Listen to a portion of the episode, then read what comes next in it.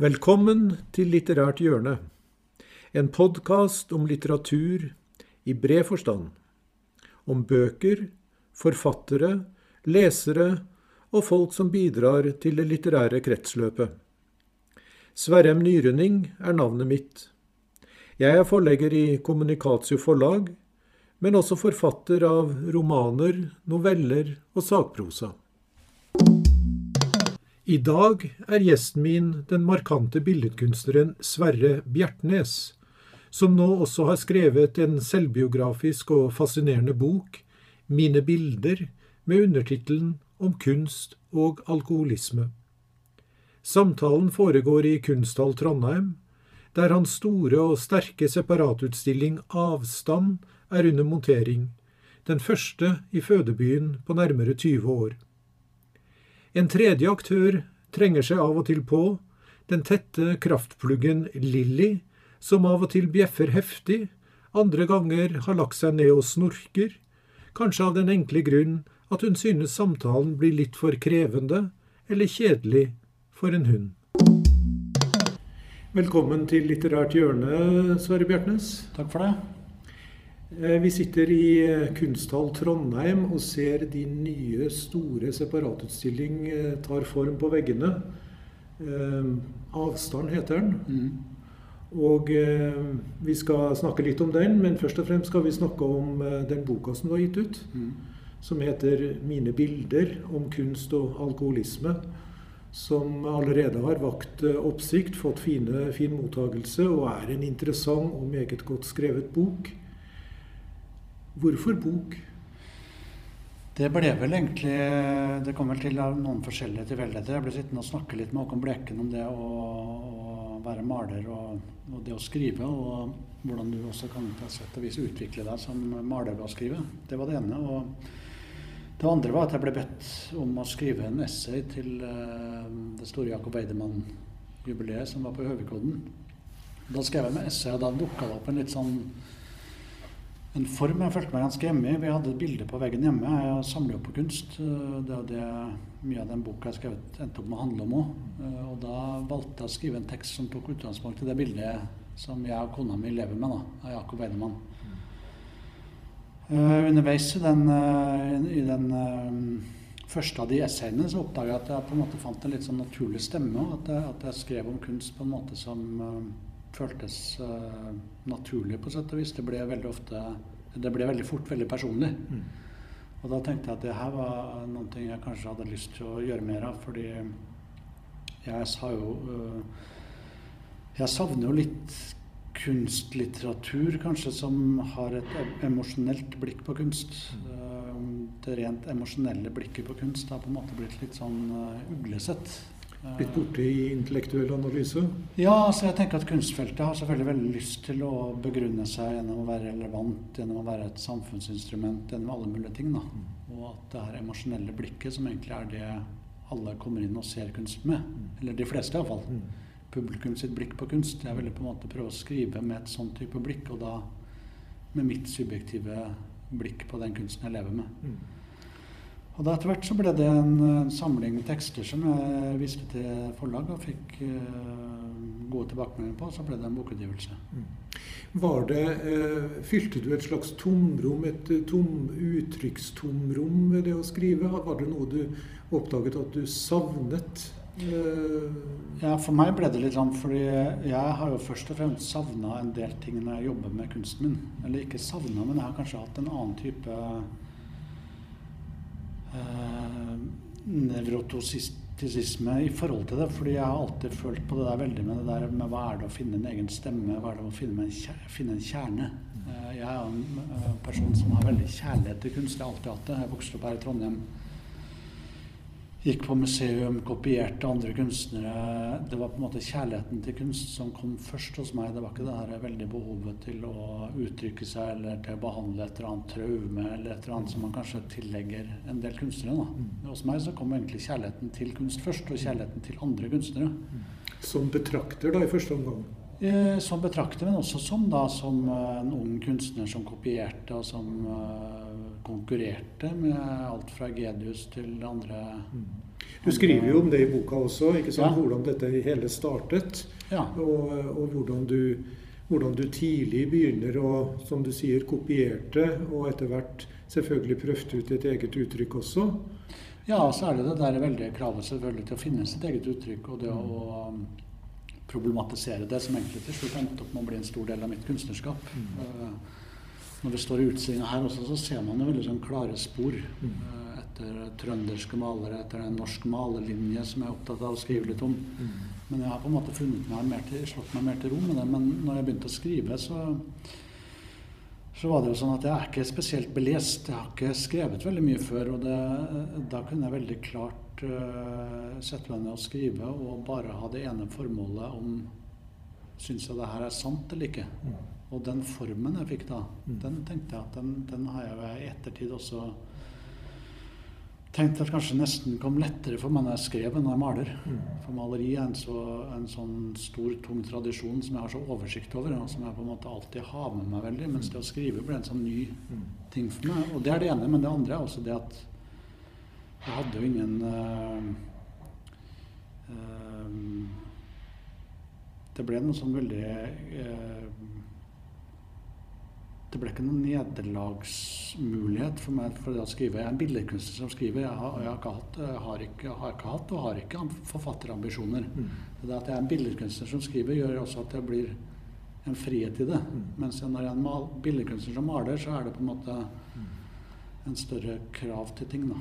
Og det, det syns jeg at i denne boka her, så har iallfall de tilbakemeldingene jeg har fått, så er det det at folk føler at det er en eh, slags upretensiøst stemme og noen ting som er mer eh, altså Det var viktig for meg at det, det ble en avslappa ting. Det er det ene. Det andre er at jeg har en helt personlig agenda med denne boka. her, Og det er selvfølgelig at um, i denne boka her så skriver jeg om, om det å leve med kunst, om det å samle bilder, om kunst, om kunstnere, ting folk jeg beundrer. Litt om mitt eget uh, utilstrekkelighet, sånn type ting. Men så er det også den andre sida av boka her som handler om en ren alkoholisme som jeg tilbakela da, for tolv år siden, og som det hele tiden er viktig for meg å ha med meg Mm. som en historie. Mm. Og da ble det etter jeg hadde vært edru ti år, så skrev jeg den boka her, som blir en sånn som blir en av de personlige milepælene jeg trenger da, for å fortsette å ta det valget som jeg gjør hele tiden. Vi skal komme tilbake til det. Men eh, du sa dette her, du er ikke en belest maler. Um, har litteratur, har litteratur eh, overhodet hatt noen betydning for deg i utviklingen av ditt maleri, maleriske uttrykk?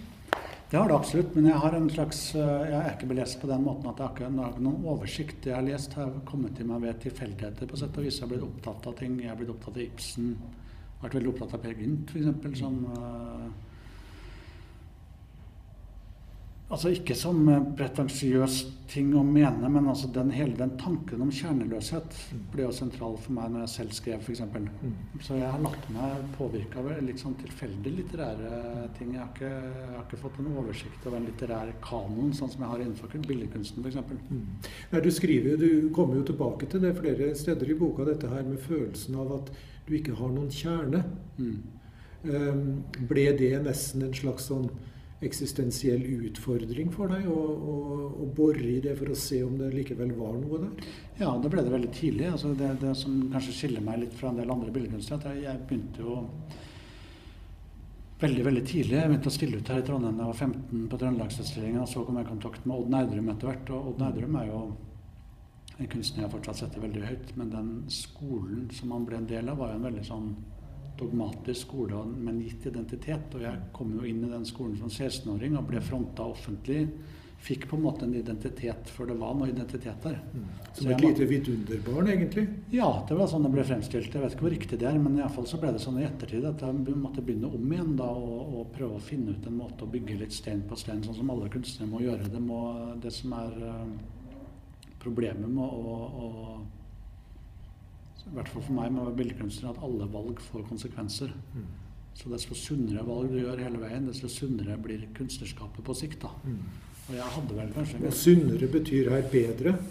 ja, det vil jeg kanskje si, fordi det, det blir, det blir iallfall mer tufta på ting som man virkelig er, da. Mm. Mens jeg begynte på en måte å bygge på noen ting som jeg virkelig, eller som noen andre var. Og da får man en, en rar inngang. Ja.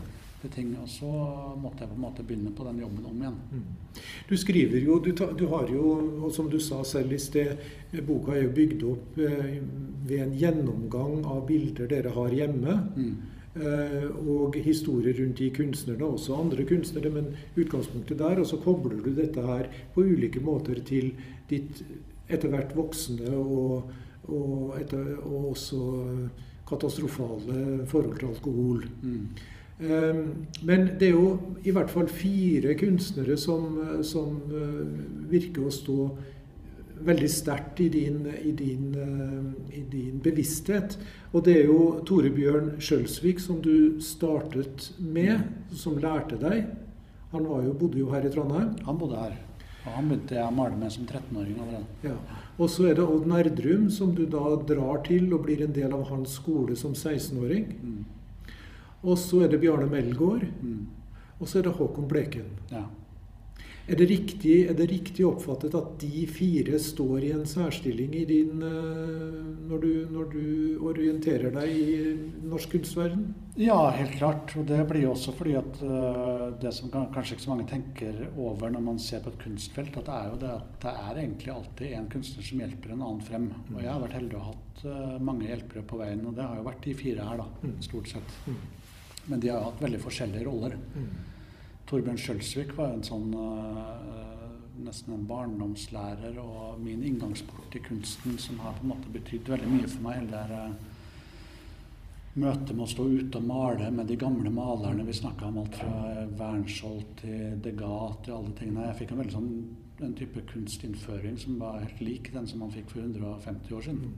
Uh, og det danna jo hele mitt bilde av hva en kunstner er. Mm naturlinje, du, kaller du dette her?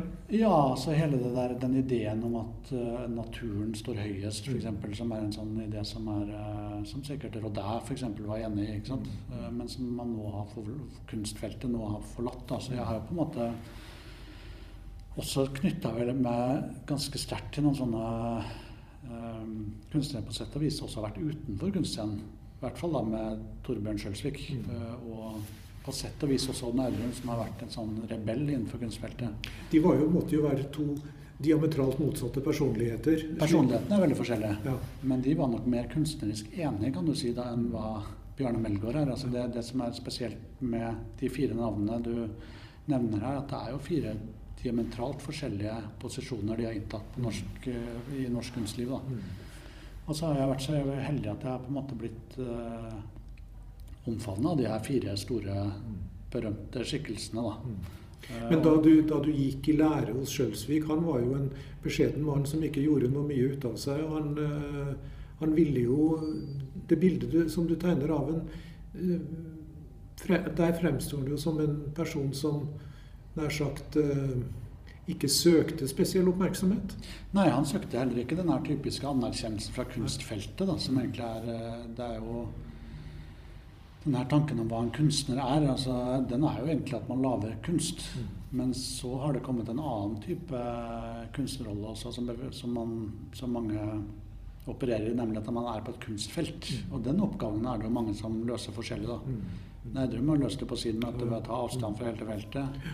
Bjørne Melgaard er vel en slags sånn rabulist eh, og opprører. Som har Søker provokasjon? Ja, som har blitt omfavna veldig av eh, etablissementet, han også. Og så er det Håkon, da, som kanskje er den jeg har knytta meg aller sterkest til. Eh, ja, du bruker, sterke ord, du bruker sterke ord om ham i, i, boka. Ja, Håkon er jo viktig for meg, fordi han er jo på en måte den siste som står igjen av den linja da, som mm. jeg søker meg til. Mm. Uh, og som jeg skriver litt om. og det som som er spesielt f.eks. med Norge, at vi har en så kort kunsthistorie.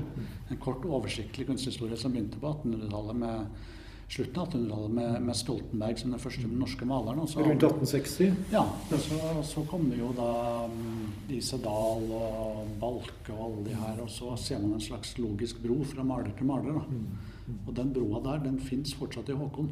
Og det er det som gjør det så, så særegent for meg. da.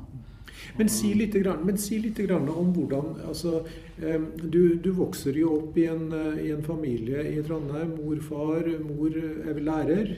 Og keramiker. Og keramiker, og faren din var lege? Lege. Og så har du to søsken? Jeg har to søsken. Jeg vokste opp i Trondheim med et veldig sånn uh, får vi besøk. Ja, sikkert. Vi får ta en liten pause. Nei, nei, jeg, jeg vokste opp i Trondheim og, og med en veldig sånn typisk, på sett og vis da norsk, nei, trøndersk oppvekst. Eh, eh, Det som er eh, Altså Mine foreldre er jo vel kanskje litt uvanlig kunstinteresserte. Spesielt moren min, som er kunstner selv, og som da underviser i kunst. Og, men også faren min, som da tidlig begynner å gå på malerkurs med meg. Vi har kunst hjemme. Eh, vi oppsøker Trondheim kunstmuseum. Jeg blir veldig tidlig introdusert for kunst. Men den, selve den muligheten med å bli kunstner selv oppstår jo når jeg møter Torbjørn Skjølsvik. Som er en familievenn, og som da skal male portretter av meg og mine tre søsken. Da. Uh, og oppveksten i Trondheim jeg ble jo Allerede her så var jo jeg på en måte veldig i gang med det der. Altså jeg hadde jo bestemt meg for å slutte skolen veldig tidlig. Jeg var jo uh, fast og helt bestemt på det her. Eh, at det var kunst jeg skulle drive med. Men så er det jo måten det skjer på. da, Det ble jo en slags, sånn, eh, slags litt dramatisk oppbrudd å slutte skolen og flytte ned hjem til Odd Nerdrum som jeg gjorde. Det var klart at det var ble det jo en liten dramatikk i, men eh, Var, var det en slags var det en, altså du, du skildrer jo dette her at du tar med deg bøkene fra, fra ungdomsskolen ut i skogen og at det brenner hele greia, og så tar du deg en øl, og så kjenner du virkningen av alkohol. Ja, og det er jo også denne frihetsjaget og det her eh, Det er klart eh, Det lå nok en følelse av utilstrekkelighet også veldig tidlig i mitt møte med kunst. Eh, også fordi at jeg på en måte hele tiden sammenligna meg med historiske skikkelser som Egedus, ting som er på en måte helt urealistisk. Eh, Så den nederlagsfølelsen, den eh, At du ikke nådde opp til deres nivå. ja, om man egentlig var kunstner i det hele tatt. Den fikk jo på en måte sitt svar i alkohol veldig tidlig hos meg, da. Eh, Og ga meg på en måte en slags trygghet fra tidligere som jeg savna veldig, da. Men eh, eh, når du da drar Du drar jo 16 år gammel til Odd Nerdrum. Du var jo blitt introdusert for ham gjennom et besøk du og mora di gjorde hjemme hos ham. Eh, og eh, han så selvfølgelig noe i deg. Han ville ta deg inn og bli en del av hans eh, om man skal si kult. Mm. Eh, men eh, kunstinteressen til dine foreldre eh, tok vel kanskje en litt forskjellig retning der, for faren din ble jo mektig forbanna, skjønner jeg, når at eh, du drar til Nerdrum. Han, eh, du, du refererer jo til en replikk eh, hvor han ringer Nerdrum og sier ikke direkte pene ting, da. Nei, og jeg må jo si at i ettertid så har jeg stor forståelse for det. Altså, jeg var 16 år. Jeg flytta hjemmefra. Jeg hadde allerede hatt en del uheldige møter med alkohol, eh, blant annet, Og jeg tror alle foreldre ønsker en slags trygghet for barna sine. Og det gjorde mine foreldre. òg. det er klart at, det, når man bryter opp så tidlig og flytter hjemmefra, så er det et stort valg, da. Eh, Det var ikke noen plan B der i det hele tatt. Men så havner du da hos Nerdrum og, eh, og kommer sammen med hans øvrige elever. Eh, Og eh, du skriver jo flere ganger i boka at du setter jo Odd Nerdrum høyt som kunstner. eh, Selv om dere ikke har snakka sammen siden 1999, så vidt jeg skjønner. Mm. Eh, Men Ja, det, jeg, jeg setter ham veldig ut som kunstner. Altså det, nei, Odd Nerdrum er et ganske særnorsk fenomen som er eh, en stor internasjonal kunstner, etter min mening, Mm. på sitt beste. Og det, det mitt syn på det kunstnerskapet har ikke forandra seg i det hele tatt. men støtt ut i norsk sammenheng. Ja, Det er på en måte litt sånn uh, tvega, det der. For han er jo også på sett og vis Norges mest feira Mm. maler. Mm. Med separatutsstillinger på Astrup Fearnley-museet, Mm. alt mulig sånt. Men han har jo også fått en røff behandling. Det er ikke til å se bort fra. Mm. Av kritikere og Mm. diverse ting. Og det må jeg si at det, det, um, det å få flytte hjem til han som 16-åring Jeg bodde gratis i kjelleren hans, jeg ble godt tatt vare på. Det er altså en vanvittig sjenerøsitet. Mm. Uh, Så det her med, Nerdum-skolen og det, det følget han lager seg, er jo også grunnlagt i en voldsom kjærlighet til kunst. Mm. Uh, Med et veldig spesifikt kunstsyn. Da. Mm, mm. Og så skriver du at uh, Nerdrum står der, men vi som, vi som kom etter, eller vi som var elevene hans, Mm. vi ble litt sånn eh, salongmalere. Ja, det, altså jeg vil jo dessverre si det at jeg syns jo ikke, selv om det har vært innom mange hundre mennesker eh, som har tatt del i denne her skolen han har laga seg, så har man ikke fått så mange store kunstnere derfra. Mm. Det må jeg jo dessverre si. Mm. Og det går vel kanskje på det at en kunstner er eh, i bunn og grunn en slags Altså du kan være hvem som helst. Du kan Mm. være hva slags, menneske som helst, men være en ærlig og oppriktig forløsning av noe eget, da. Mm. Og det blir jo vanskelig å gjøre innenfor en skole hvor det er såpass strenge Hvor dogmatikken er såpass streng. Ja, Mm. tenker jeg. Så for meg ble det jo etter hvert viktig å lage meg mitt eget eh, Å forsøke iallfall å lage meg mitt eget ståsted. Jeg vet ikke hvor, hvor mye jeg lykkes i det heller. For jeg tenker at noe av det mest interessante med når jeg ser på det jeg har gjort de siste 30 åra, er vel kanskje det at jeg har stått for også for en slags sånn kjerneløshet. Og sett på det som en Begynt å se på det som en slags skurkeidé. det at eh, det er veldig lett når man er kunstner at man eh, jobber, og så oppnår man seg en slags posisjon. Man finner sin plass på det her enorme feltet som er kunstlivet, og så blir man stående og forsvare den plassen. Mm. Man har på en måte et slags sånn Det er forventa av deg at du skal si det at eh, den plassen her står jeg på, og den uh, mener jeg er viktig fordi det og det og alt mulig sånt. Mens jeg har på en måte vært mer åpen med tvilen min rundt hvor viktig og hvor bra det er i det hele tatt, og heller sett på det som en interessant ting å bli et møtested. Altså, ja, I tillegg til å, å ha fått møte de her og jobbe tett med, de, med mange store kunstnere, så har jeg også invitert kunstnere inn i mitt virke. Mm. Enten med musikk eller med teater, eller å gjøre samarbeider med Bjarne. Mm. Jeg har på en måte vært interessert i å, å utforske den kjerneløse posisjonen. Mm. En stadig søken. Ja, eh, og jeg tenker at det er kanskje ikke så rart heller. Altså det, man ser det med ganske mange malere. eh, Faktisk opp til det blir til den alderen hvor, er, hvor jeg er nå. Mm. Så ser man jo f.eks. på Jakob Weidemann, som jeg setter veldig høyt. Altså Jakob Weidemann, inntil han blir i midten av 40-åra, så gjør han alle mulige forskjellige ting. Mm. Han eh, ligner på Picasso i det ene øyeblikket. Han gjør impresjonistiske ting nesten. Han gjør alt mulig forskjellig. Og har en fantastisk produksjon. Og så blir han Weidemann, da. Eh, som den alle kjenner igjen, Uh, og som den Weidemann alle kjenner. Men jeg er ikke så sikker på nødvendigvis om kunstnerskapet hans blir så mye bedre av det. Jeg lik, kan like det her Uh, kjerneløse stadiene da, Mm. som du kan finne hos en del kunstnere. Mm. Og nå er du jo selv blitt 45, eller blir 45 i år, Ja. Så da er du i den alderen. Ja, jeg føler jo på det at nå begynner det på en måte å samle seg litt mer, og, og, og kanskje endelig bli til noen ting som er mer eh, Konsentrert. Ja, som er mer eh, Som det er mer kjerne i, da. Mm. Eh, Så håper jeg at det kan bli en bra ting, men Men jeg er interessert i den Det å også stå inne for en slags usikkerhet som kunstner, som jeg tenker er er viktig for min del, i hvert fall. Mm. Men du er en periode hos, eh, hos Nerdrum, og så kommer du inn på Kunstakademiet. Mm. Men der finner du deg ikke til rette. Nei, der finner jeg meg ikke til rette, fordi at jeg kommer med, med en ganske sånn, gjett, eh, ganske sånn eh, fastlåst kunstsyn fra Nerdrum-skolen og har veldig sterke meninger og er rett og slett ganske paranoid. Mm. Jeg ble jo tatt inn på Kunstakademiet av en maler som heter Arvid Pettersen, som jeg setter særdeles høyt i dag. Mm. Han er en stor maler. Mm. Eh, Det greide ikke jeg å se den gangen. Mm. Så jeg gikk noen glipp av en del ting også underveis ved å, ved å være så låst i, i tingene. Men så hadde jeg gått på akademiet et par år, og da begynte det å skje ting. og jeg begynte å låse meg opp i positiv retning, tenker jeg selv. Jeg begynte også å, å lage et prosjekt som handla rett og slett om å prøve å finne frem en identitet. Og det, da gjorde jeg jo det prosjektet som ble min på en måte debut i norsk kunstliv, hvor jeg malte tenåringer. da. Mm. Uh, hvor jeg på en måte brukte den der portrettradisjonen som egentlig er brukt til å understreke makt. Og så Mm. brukte jeg den til å male en uh, latterliggjort og maktesløs gruppe på den tida, da, som fjortisene var. Mm. Nå er, det, nå er det annerledes med Greta Thunberg og diverse ting. Men altså, ungdomstida på den tida var på en måte sett og vis latterliggjort, følte jeg. Altså, og så lagde jeg meg et prosjekt hvor jeg fulgte en, en gruppe tenåringer og malte portretter av de over flere år. Mm. Samtidig som jeg prøvde å dyrke frem min egen identitet som maler. Mm.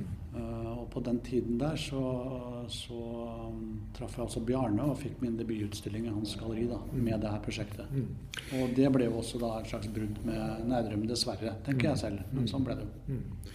Er det rart å tenke på at Nerdrum, som var såpass formende for deg i tidlige år, Mm. at, at dere ikke har noen forbindelse i dag? Eller er det naturlig i og med at det Jeg var en skole? Jeg tenker det er eh, naturlig. Altså, jeg, jeg kan også skjønne på sett og vis Nerdrums uh, personlig forargelse for kunstfeltet, hva han føler han har gjennomgått, Mm. og, og hvordan det i hans øyne kanskje ble et slags uh, Svik. svik av meg å innta den posisjonen jeg gjorde etter hvert. Så jeg, jeg er ikke så opptatt av det, egentlig. Mm. Eh, og jeg har ikke noe personlig imot uh, verken Nedrum eller at det ble sånn som det ble. Jeg syns han er en fantastisk eh, en fantastisk menneske å ha kjent, Mm. og utrolig interessant. Mm. Altså det, det opprøret han har gjort mot, eh, mot kunstfeltet, er på en måte det eneste reelle opprøret jeg har sett som sådan. Greier du å identifisere deg selv litt med dette med, dette, med, med, med opprøreren?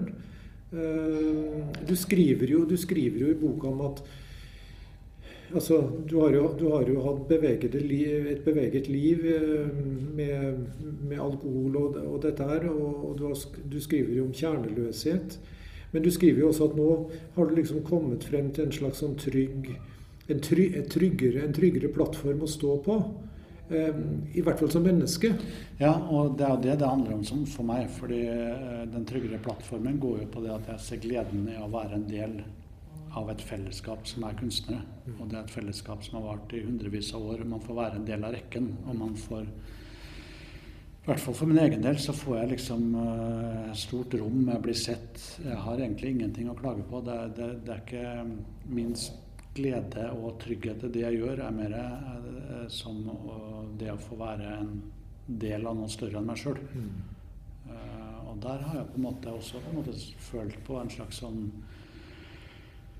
slekt, slektskap til Håkon. fordi selv om Håkon er en kunstner som har et veldig klart subjekt, han tar rom, det er ikke noe problem der, men han har også alltid en slags sånn ydmykhet på vegne av kunsten, da, som er noe jeg setter pris på å møte hos Håkon, som er en stor kunstner, men som allikevel har denne ydmykheten på vegne av kunsten, på vegne av å være del av noe større. Og det er vel der jeg, min trygghet etter hvert kommer inn. Og jeg kan ikke si at jeg har noe trygghet i om man er en stor eller liten kunstner, en god eller en dårlig kunstner. Det varierer veldig hva jeg tenker om meg selv. Men, men jeg vet iallfall at jeg har uh, fått holde på med det her. Jeg har vært del av et, uh, en periode i norsk kunstliv. Jeg har blitt sett, jeg har fått et, et rom, og, og den, det er både en glede, men også en slags takknemlighet i det. Fordi jeg vet jo også av veldig mange store kunstnere som jeg kjenner og har kjent, som aldri har fått de mulighetene eller den plassen jeg har fått. da. Og det er vel selvfølgelig, som så mye i livet, kanskje en blanding av kompetanse, av kvalitet, av, av eh, Men også av tilfeldigheter. Masse tilfeldigheter. Jeg har vært heldig med mine personlige møter, både som eh, kunstner, men også som eh, alkoholiker. Der har jeg akkurat den samme opplevelsen. fordi når jeg på en måte fikk slutte å drikke for tolv år siden Jeg var jo lagt inn til sammen syv ganger, og jeg har vært på Blå Kors med narkomane. Jeg har møtt massevis av mennesker som har hatt et stort ønske om å slutte med rus. Gjort alt de skulle og likevel ikke fått det til. Det, er, det her er heller ikke noe jeg På samme måte som jeg heller ikke kan si at jeg, at jeg har gjort meg fortjent til det jeg får som kunstner. Så har jeg heller ikke gjort meg fortjent til det. Altså jeg tenker at jeg har vært heldig på veldig mange måter, og det er jeg klar over. Jeg har ikke noe behov for å, å ta noe sånn spesiell ære av mange ting sjøl. Uh, og når det gjelder kunst, så er det også sånn at jeg, jeg har etter hvert begynt å sette pris på det at det også fins uh, folk som uh, slett ikke mener man er så bra. Mm. Altså, det er en viktig del av kunstfeltet. Jeg tenker at det rommet man lager på kunstfeltet, er også en diskusjon hvor du skal lage et rom hvor folk har lov til å mene ting, hvor de har lov til å føle ting, hvor alle føler seg like mye verdt. da. Og så er det jo ikke så gærent om det er noen som har kritiske merknader, fordi at i, i kritikken så kan det jo ligge utgangspunkt for, for en utvikling også. Ja, ja, helt klart. Og jeg er vel, eh, har jo foreløpig ikke møtt noen som er noe mer kritisk enn meg sjøl, iallfall til det jeg driver med. Så, så jeg setter pris på det. Jeg, jeg er litt sånn redd for et kunstliv som kan bli litt uh, kontaktømfintlig, da. Um, som jeg syns man ser tendenser til av og til. Altså, jeg er også den, av den mening f.eks. at uh, når man har folk som mener noe om kunst, om kulturliv, enten det er uh, Sløseriombudsmannen eller hvem som helst, så tenker jeg bare uh, omfavn de følelsene, kom med de og diskuter de åpent. Altså, jeg, jeg, er noe Jeg syns ikke at kunstlivet skal være noe redd for å, å, å ha denne publikumskontakten og legge opp til et møte hvor folk får lov til å mene ting. Det har- jeg tvert imot. Så tenker jeg at det er, er veldig sunt, og jeg håper på det. Altså jeg, jeg har ikke noe behov for at alle skal komme inn og like det jeg gjør. Vi har vel en eh, liten eh, og kanskje beklemmende tradisjon i Norge at vi, vi eh, prøver å unngå de vanskelige, de vanskelige spørsmålene. Vi eh, feier ting litt under teppet, og vi unngår å gå i, i eh, konfrontasjon. Altså, en konfrontasjon kan jo også avstedkomme et positivt resultat. Ja, men så tror jeg også at vi har det her, det her veldig ønsket om at, at kunsten og kunstlivet skal være relevant. Det er iallfall ha feltet sjøl, det. Vi skal liksom være et relevant samfunnsbyggende felt som alle andre felt. da. Og jeg er ikke så sikker på om jeg er så tilhenger av den modellen. altså Jeg tror kunst kan være et helt eget rom. At det trenger ikke ha en funksjon. Vi skal ikke nødvendigvis være et viktig politisk verktøy. Vi skal ikke være et folkeopplysende verktøy. Jeg tror kunst, kunst skal være et rom som er helt annerledes enn de andre rommene. Hvor vi møtes som enkeltmennesker. Alle har forskjellige opplevelser av kunstverk. Hvor det er mer ja, det er i hvert fall et sånt type sånt jeg alltid prøver å lage med utstillingene mine. F.eks. med denne utstillingen her også, så legger jeg opp til en sånn type opplevelse. En, når denne utstillingen åpner, så har jeg arrangert en konsert med Morten Abel, Magnus Grønneberg. Altså jeg liker å ha, å ha å legge opp til en opplevelse som er, føles åpen. Mm. Som ikke føles belærende, og som ikke føles som uh, noe man trenger noe kunnskap om. Da. Noen vil vel også si, og har sagt, at til at kun, eller som en motsetning til det at kunsten skal være samfunnsbyggende, noen vil jo også hevde at kunsten bør rive ned for å avsløre. Ja, men sånn, sånn har det alltid vært. Og der har det vært et klart skifte faktisk de siste ti åra. Altså, kunstnerrollen har jo før, før alltid vært eh, en motstrømsrolle. Vi har dyr, dyrka de personene som går motstrøms, enten det har vært Bjørneboe eller hvem det har vært. Altså, motstrøms, altså Den intellektuelle rollen til kunstneren har vært å være motstrøms. Det kontrære Det perspektivet. kontrære. Men nå er det altså blitt et skifte. Mm. Eh, Det kontrære er ikke lenger det kunstneriske idealet. Det mener jeg at er en åpenbart, et åpenbart skifte som har skjedd. Det er konsensus vi snakker om nå. Nå er det en konsensusstyrt uh, ting da, og det mener jeg at er, jeg håper det er forbigående fase. For at jeg tror vi trenger det her uh, kunstfeltet som er uh, antimoralistisk, som er frihetstenkende, som ikke er konsekvenssøkende. Altså, vi trenger et rom som er eh, friere. Da. Frykter du at vi lever i en tid hvor handlingsrommet for, eh, for kunsten blir snevrere? Nei, jeg frykter egentlig ikke det. For jeg, jeg tenker at det er, eh, jeg tenker vi er i en veldig forbigående fase nå. Altså, vi er i en fase hvor vi har eksempel veldig fokus på en del sunne ting. Som f.eks. kvinners stilling i kunst, eller minoriteters stilling i kunstlivet. Altså, vi er inne det her er sunne ting. Men så må vi jo gjennom en periode hvor det blir en slags sånn tellementalitet. Og det er jo ikke sunt for noen. Fordi øh, Hva legger du i det? Tellementalitet? Nei, jeg legger vel i det at det er viktig for utstillingssteder, for teatre, for alle mulige institusjoner at man har eh, riktig antall, den ene og den andre. Det, det, det fører til er jo også at minoriteter og delvis også kanskje kvinner blir stående og representere noe annet enn seg sjøl. Mm. Og målet til slutt må jo være at alle representerer seg selv, samme hvem man er. Mm. Men i en overgangsperiode så er det her viktig og nødvendig. Mm. Eh, Men jeg tror også at det blir en overgangsperiode, for det, det klimaet er jo ikke sunt i lengden, kan du si. da. Men du håper på at rebellen kommer tilbake i kunsten?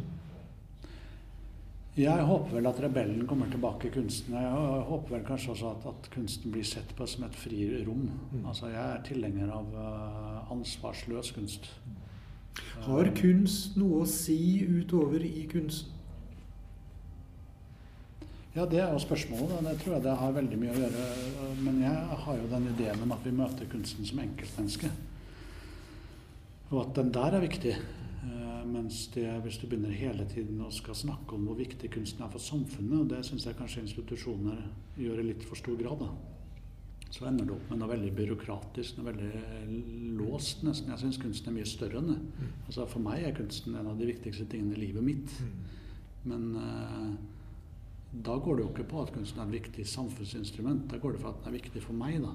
Og det er jo det perspektivet jeg håper man legger mest mulig opp til. Og da har du, da har du også denne muligheten for f.eks. at, uh, at uh, det kommer store kunstnere som ikke passer inn i vår type moralkodeks f.eks. Og jeg tenker at det er viktig i seg sjøl. Mm. Uh, at kunsten, at vi greier å skille mellom ting. At vi greier å ha opplevelser av kunst som ikke er ansvarlig, og hvor kunstneren ikke nødvendigvis er ansvarlig. At vi legger opp til et rom som er frittenkende. På en måte vi ikke kan gjøre innenfor politikken innenfor andre samfunnsområder. Bjarne Melgaard er vel en eh, eksponent for den kunsten som er rebell, rebellisk, for å si det slik? På sett og vis, men jeg føler at Bjarne Melgaard dessverre har fått en lesning som er litt parodisk. fordi Bjarne er jo en høyst intellektuell, oppegående fyr som tar opp eh, vanskelige ting i kunsten sin, eh, og som gjør det på en veldig intelligent uh, måte, og som på sett og vis for meg egentlig er en dypt moralsk kunstner. Mm. Men man har også veldig lyst til å lage roller ut av folk, da, Mm. som rebeller og sånn, sånn type ting. Men men det jeg syns er litt synd, kanskje, er at vi i en offentlighet har begynt å lage en uh, kunstnerrolle hvor uh, det er en blanding i en klovnerolle og noe annet. altså Den eneste offentlige posisjonen til kunstnere har mulighet til å ha til slutt, er jo det som en slags raritet. da. Mm. Uh, og det er jo litt synd. Mm. Uh, og det er jo kanskje også noe litt nytt. altså...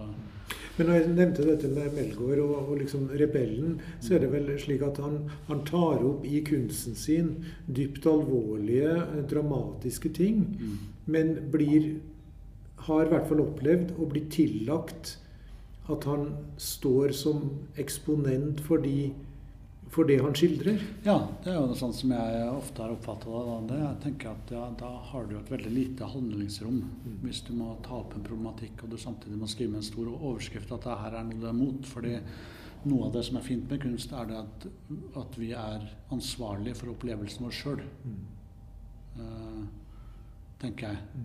Altså I utgangspunktet så er det ikke sånn at det finnes så mange usunne kunstverk. Det er på en måte vi er jo på en måte, Det er vi som skal lage opplevelsen ut av et kunstverk. og Der, der, der er det litt forskjellig, tenker jeg, fra en bok eller fra andre ting. da, Hvor du har en opplevelse som er mye mer øh, fordøyd, sånn som jeg opplever det iallfall. Og som er mye mer formålsretta, kan du si. Altså Jeg liker jo det kunstrommet rett og slett fordi det er så åpent. Boka di har jo en undertittel om kunst og alkoholisme. Hovedtittelen er 'Mine bilder'. og vi sa, Som vi sa innledningsvis, eh, du bygger jo boka opp om bilder som du selv har kjøpt, og som dere har hjemme, og som dere eh, ser på hver dag. Eh, Og nå har dere lånt bort fordi at det begynner å bli trangt om plassen. Mm. Um, og nå har vi jo snakket om kunsten. La oss også snakke litt om det, det andre temaet i boka. Og det er jo vevd sammen, dette her, på en uh, ofte fascinerende måte. Mm. Uh, men alkoholismen din, Mm. som du nå heldigvis har uh, vært borte fra i tolv år, Mm. uh, men som dominerte livet ditt i mange år. Mm. Og det begynner tidlig. Uh, du skriver at du vet ikke riktig hvorfor det ble sånn. Uh, er det fortsatt posisjonen din? Uh, på sett og vis så er det jo det. Jeg er den samme personen nå som den som ikke kunne leve uten alkohol. Men, eh, men det er vel en lang, lang rekke av ting, da. Mm. Eh, Og det er også veldig sammenvevd for min del med det å drive med kunst.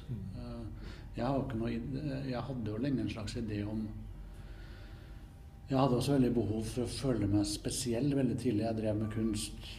Store kunstnere hadde alkoholproblemer. Altså jeg, jeg, ble liksom Den klassiske kunstnermyten opptok meg veldig tidlig. da. Du gikk i en, inn i en slags rolle?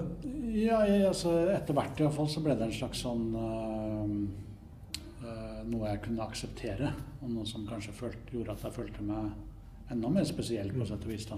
Og at det kanskje gjorde at det var det som gjorde at det tok veldig lang tid å, å tre ut av det. Eh, Jeg har jo ikke noe idé lenger om at jeg fikk noe spesielt utbytte av de der årene som, som kunstner og alkoholiker på noe annet vis enn at jeg fikk føle på en veldig viktig ting.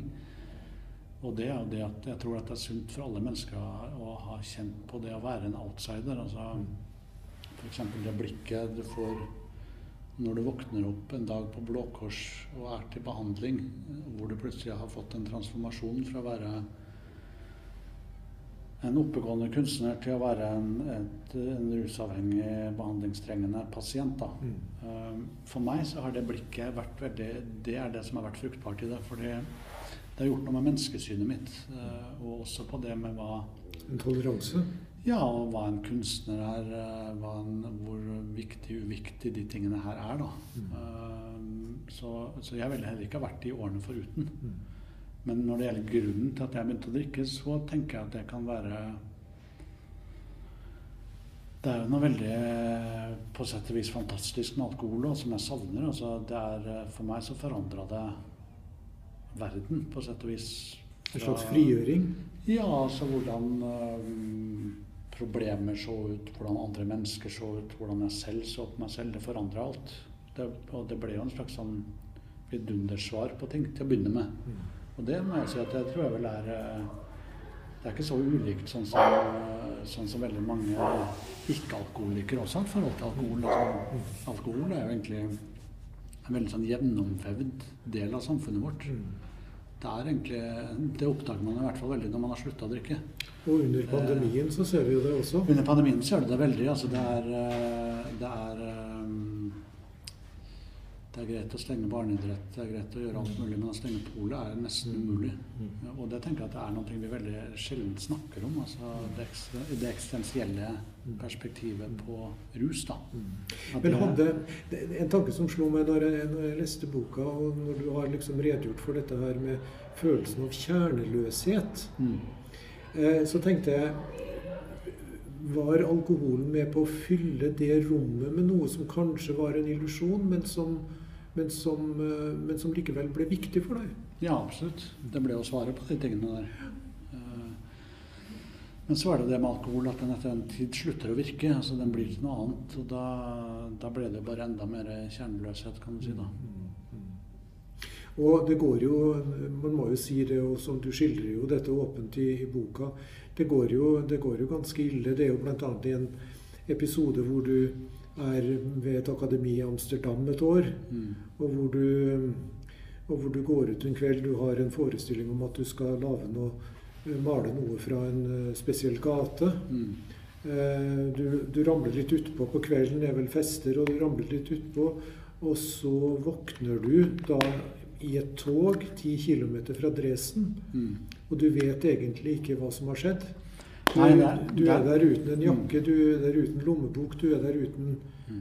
Jeg husker ikke om det var uten telefon, men, men i, i hvert fall du, du, var, eh, du, du var som et naket menneske som sto der. Ja, ja, sånne ting som det her skjedde jo hele tiden, og det skjer jo med folk som drikker på den måten. Det er, eh, jeg opplevde alle mulige sånne ting også, og skade meg alvorlig. Og, Ja, ja. og til slutt også en slags sånn tilstand hvor uh, selvmord begynte å se ut som en adekvat uh, løsning. Og så ble, og så ble du, du skildrer jo også dette her, og så ble du jo du ble jo ganske ubehagelig i fylla for andre.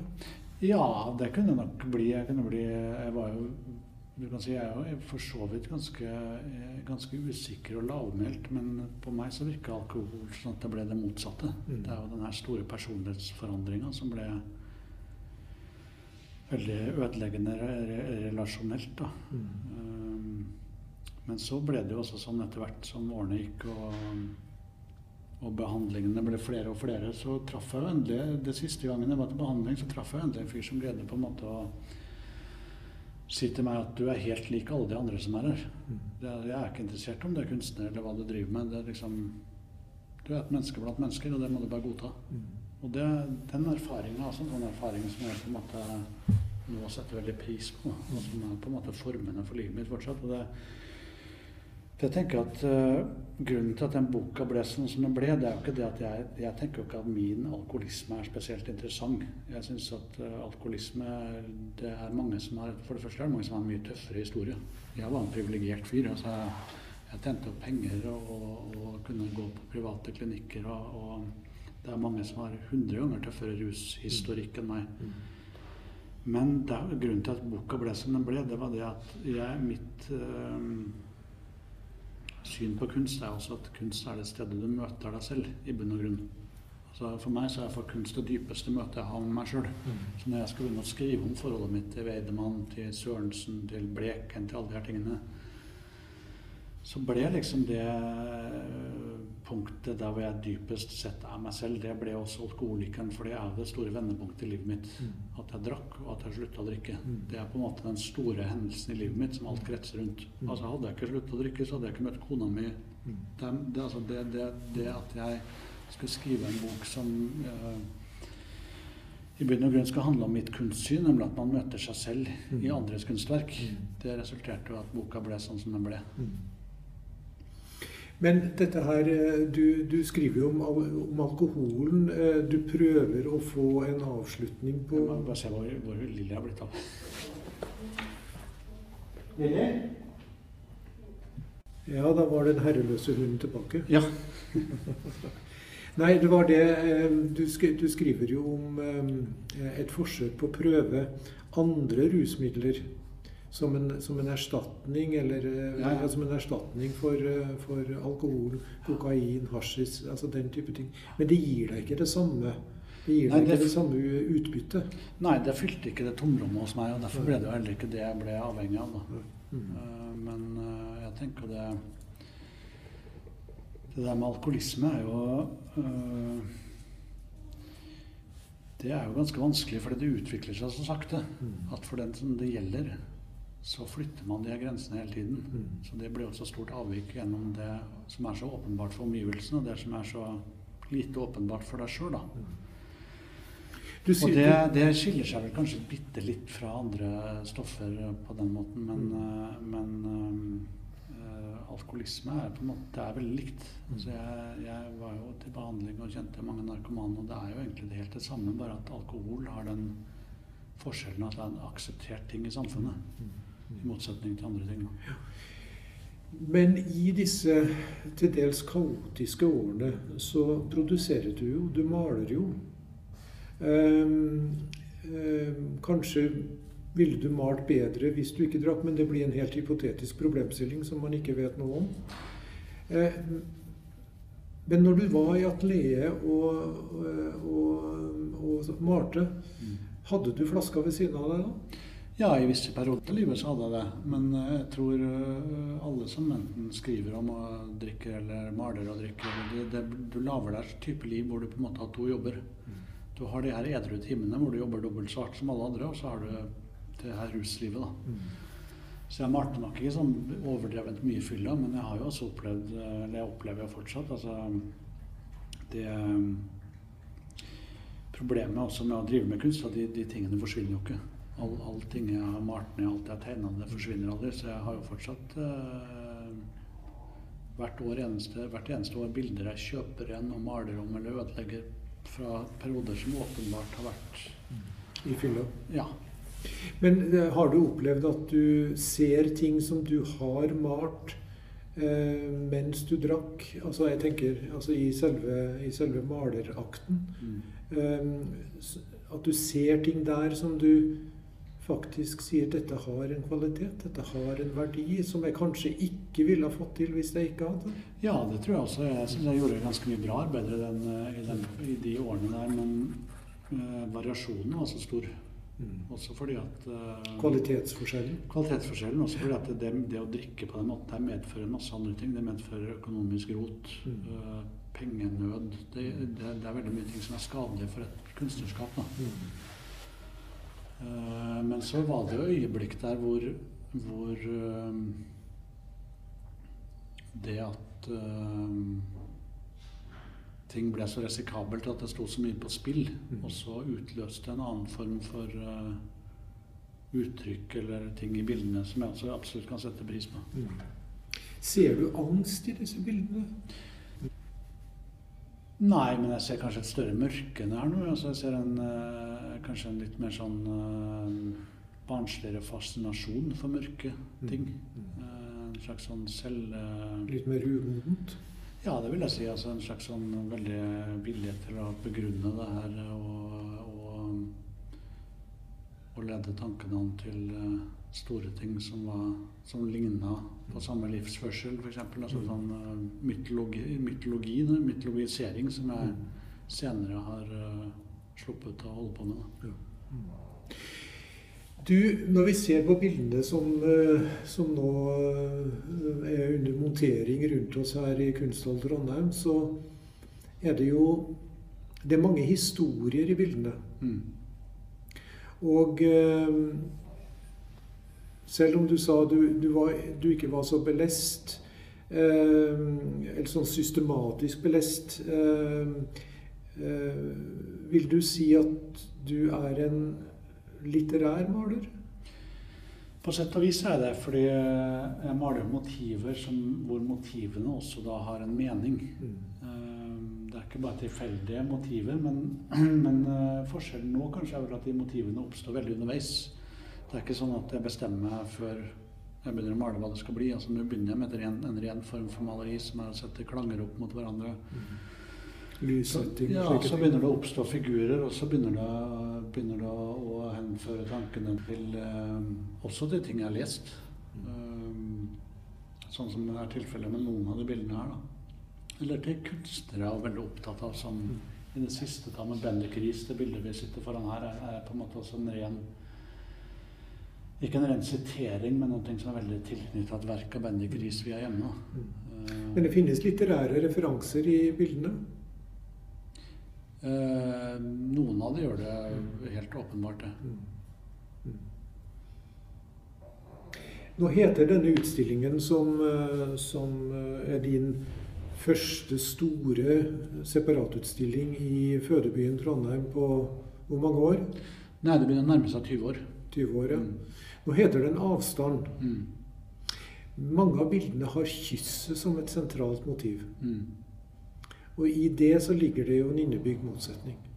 Ja, det ligger en innebygd motsetning. Så, så, det er på en måte Når man gir en utsignet tittel på den måten her, som er gjort sammen med Karl Martin Forby, som er da kurator for utstillinga, så prøver man jo også da å lage et slags å si man vil ikke begrense rommet som en utstilling er, men man vil jo på en måte lede tanken i en slags retning. Da. Mm. Uh, og det her begrepet med avstand for meg handler jo om det kanskje i vel så stor grad om, uh, om uh, maleriet. Og den avstanden som ligger i det utgangspunktet. Mm. Om det som jeg ønsker å gjøre, som er å overvinne den avstanden. Mm. Og vi lever jo i en tid med mye avstand. Ja, det også. Det har vært et spesielt år. Denne utstillingen her skulle egentlig vært i fjor. Det var helt umulig. Mm. Nå åpner den i år, og det er med, fortsatt med restriksjoner, men det blir tross alt en åpen utstilling. Mm.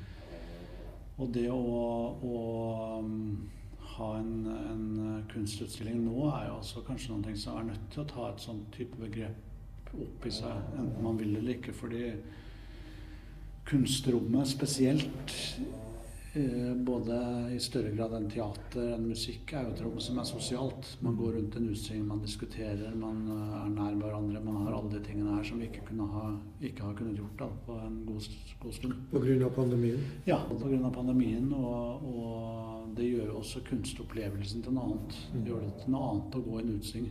Jeg kom jo hit fra Oslo for en uke siden jeg begynte å montere. og der har vi levd i en by som har vært totalt nedstengt siden november. Mm. Det har vært apotek åpent og dagligvare, men byen har jo helt vært lagt død. Mm. Uh, her er det en litt annen situasjon, men det her er klart det her gjør jo noen ting med oss som mennesker, og også hvordan vi oppfatter kunst, da, som jeg ville på en måte ha med i lesninga av mm. denne utstillinga.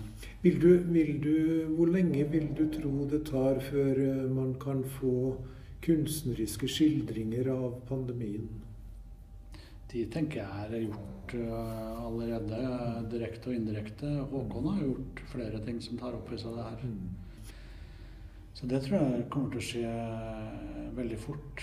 Det som kommer til å ta tid, er jo å få tilbake det her klimaet vi har hatt rundt kunst. Altså, nå f.eks. så er det veldig lite diskusjoner om hvilken retning skal teatret ta. Altså, alle de diskusjonene vi hadde før. Mm. Ja, kunsten er jo også avhengig av at vi har overskudd til å snakke om de tingene der. Nå har vi bare overskudd til å snakke om teater, om det skal være åpent i det hele tatt eller ikke. Og få folk inn i salen? Ja. Mm. men alle de her tingene som er uh, morsomme å diskutere, altså med uh, hvordan retning kunsten skal ta, hva som er godt maleri, alle de tingene her, det er det jo Eh, det har jo også føltes veldig irrelevant på sett og vis. da. Så det har vært en rar måte, en rar periode å male også, syns jeg. Altså, jeg har kunnet gå på atelieret mitt som vanlig, men hele eh, opplevelsen av det har vært helt annerledes.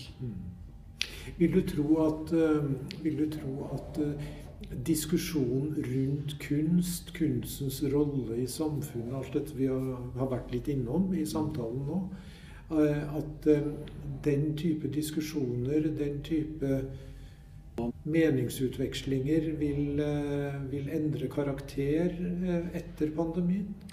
Iallfall en periode så tror jeg at det vil utløse en slags øh, større interesse, kanskje, for en større slags takknemlighet over at vi har de her rommene. Eh, At kunsten får faktisk en, kanskje en større betydning?